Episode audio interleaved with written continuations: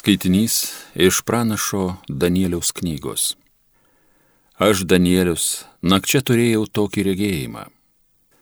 Keturi dangaus vėjai išjudino didelę jūrą. Iš jūros iškilo keturi dideli žvėrys. Kiekvienas iš jų turėjo skirtingą išvaizdą. Pirmasis buvo panašus į liūtą, tik tai turėjo erelio sparnus. Į jį man bežiūrint, sparnai jam buvo išrauti Jis buvo pakeltas nuo žemės ir pastatytas ant dviejų kojų, tarytum žmogus, ir buvo duota jam žmogaus širdis. Po to pasirodė kitas žvėris, panašus į lokį. Jis buvo pusiau atsistojęs ir laikinas ruose tris šonkaulius. Jis buvo raginamas, kelkis ir ėsk dar daugiau mėsos. Po to aš mačiau trečiąjį žvėrį. Jis buvo panašus į panterą. Tik tai ant nugaros turėjo keturis sparnus, tarytum paukščio, taipogi keturias galvas, jam buvo duota gale viešpatauti. Paskui aš savo naktinėme regėjime išvydau ketvirtąjį žvėrį. Jis buvo baisingas, bjaurus pažiūrėti ir labai storas, turėjo didelius geležinius dantis. Jis sėdė ir triuškino visą, o kas paliko, sutrypė kojomis Nuo kitų žvėrių jis visako skyrėsi. Taip pat jis turėjo dešimt ragų. Man stebint ragus išaugo tarp jų dar kitas, mažesnis ragas, o prieš jį pradingo trys iš ankstesnių ragų. Ir tame rage buvo akis, tarytum žmogaus, ir burna, kuri įžūliai kalbėjo. Aš vis dar žiūrėjau. Štai buvo pastatyti sostai ir užėmė vietą senyvas vyras, Jo rūbai buvo balti kaip sniegas, plaukai kaip grina Vilna. Ugningos liepsnos buvo jo sostas, kurio tekiniai liepsninga ugnis. Iš jo tekėjo ugninis rautas. Jam patarnavo tūkstantis tūkstančių, prie jo stovėjo dešimt tūkstančių dešimt tūkstantinių. Susėdo teismas ir buvo atverstos knygos. Aš vis dar žiūrėjau, kol dėl ragų įžūlių kalbų buvo žvėris nužudytas. Jo kūnas buvo atiduotas ugniai ir sunaikintas. Taip pat ir kitiems žvėrims buvo atimta valdžia. Tačiau jiems buvo palikta gyvybė iki nustatyto laiko. Aš vis dar mačiau naktinį regėjimą. Štai su dangaus debesimis atslinko tarytum žmogaus sūnus. Jis pasiekė senyvąjį vyrą ir buvo nuvestas į jo akivaizdą. Jam buvo suteikta valdžia, garbė ir karalystė. Visos tautos, gentys ir kalbos turės jam tarnauti. Jo viešpatavimas amžinas, nesibaigiantis viešpatavimas. Jo karalystė niekad nežlugs. Tai Dievo žodis.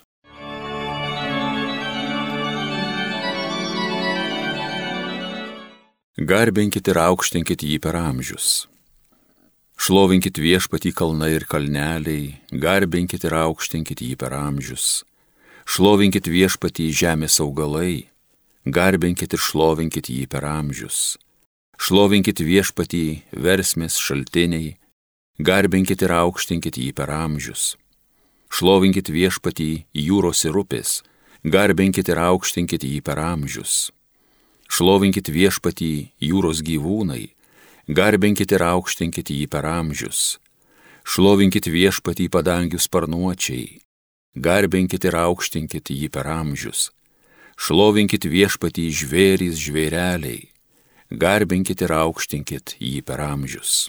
Alleluja.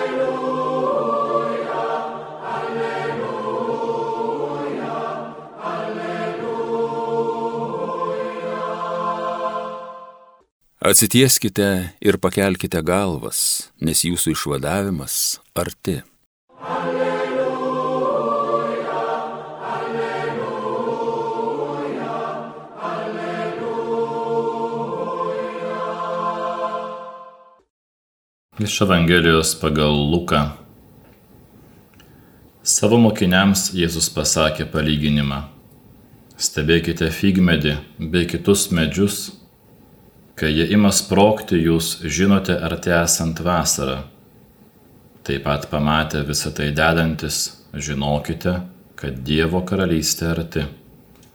Iš tiesų sakau jums, nepraeis nei ši karta, kol visa tai įvyks. Dangus ir žemė praeis, o mano žodžiai nepraeis.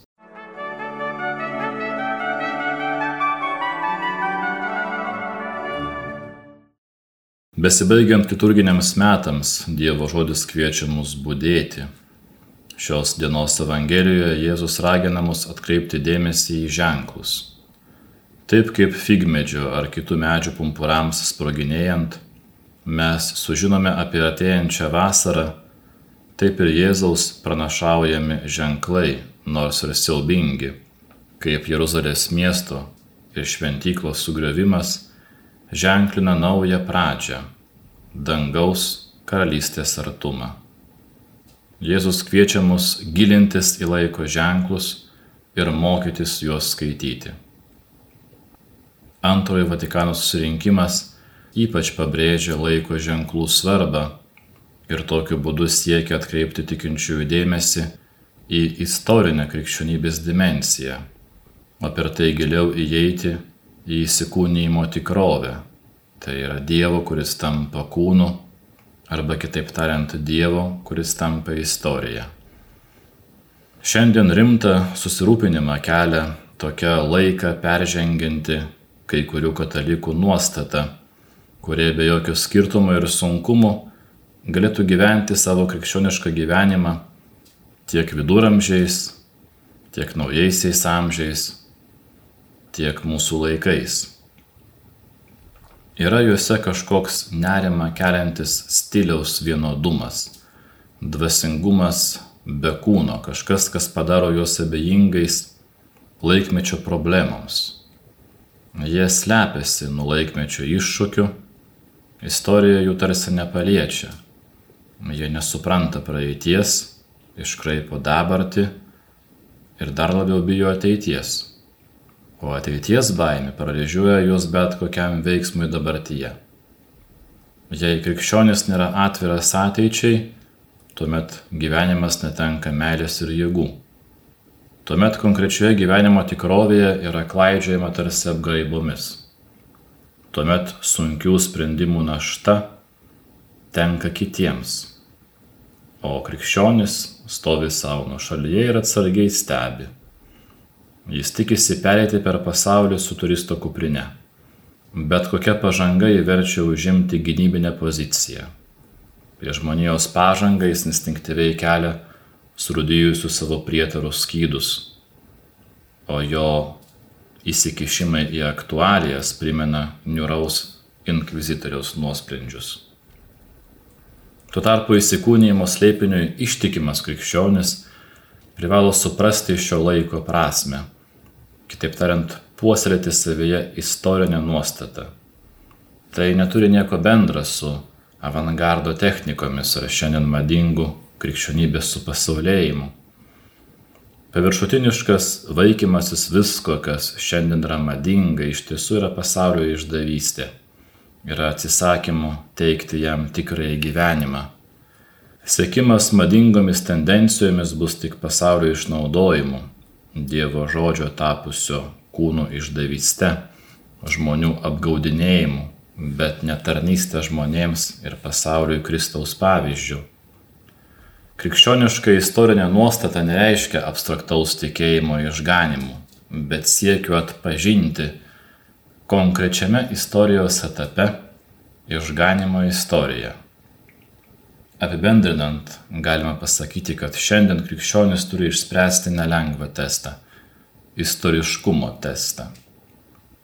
Krikščioniško šventumo metu yra atvirumas savo laikmečio problemams, jų sprendimui įdėtų pastangų mastas, įvykių prasmės išvalga.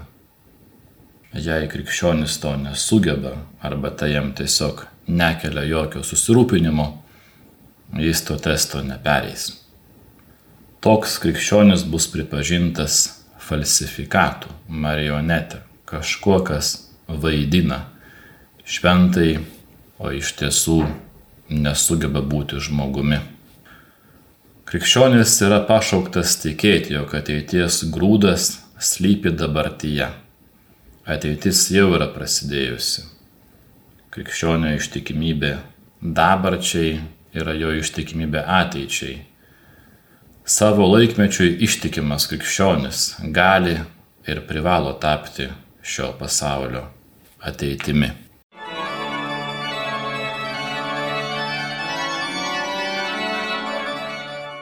Homilija sakė kunigas Vladimir Solovėjai.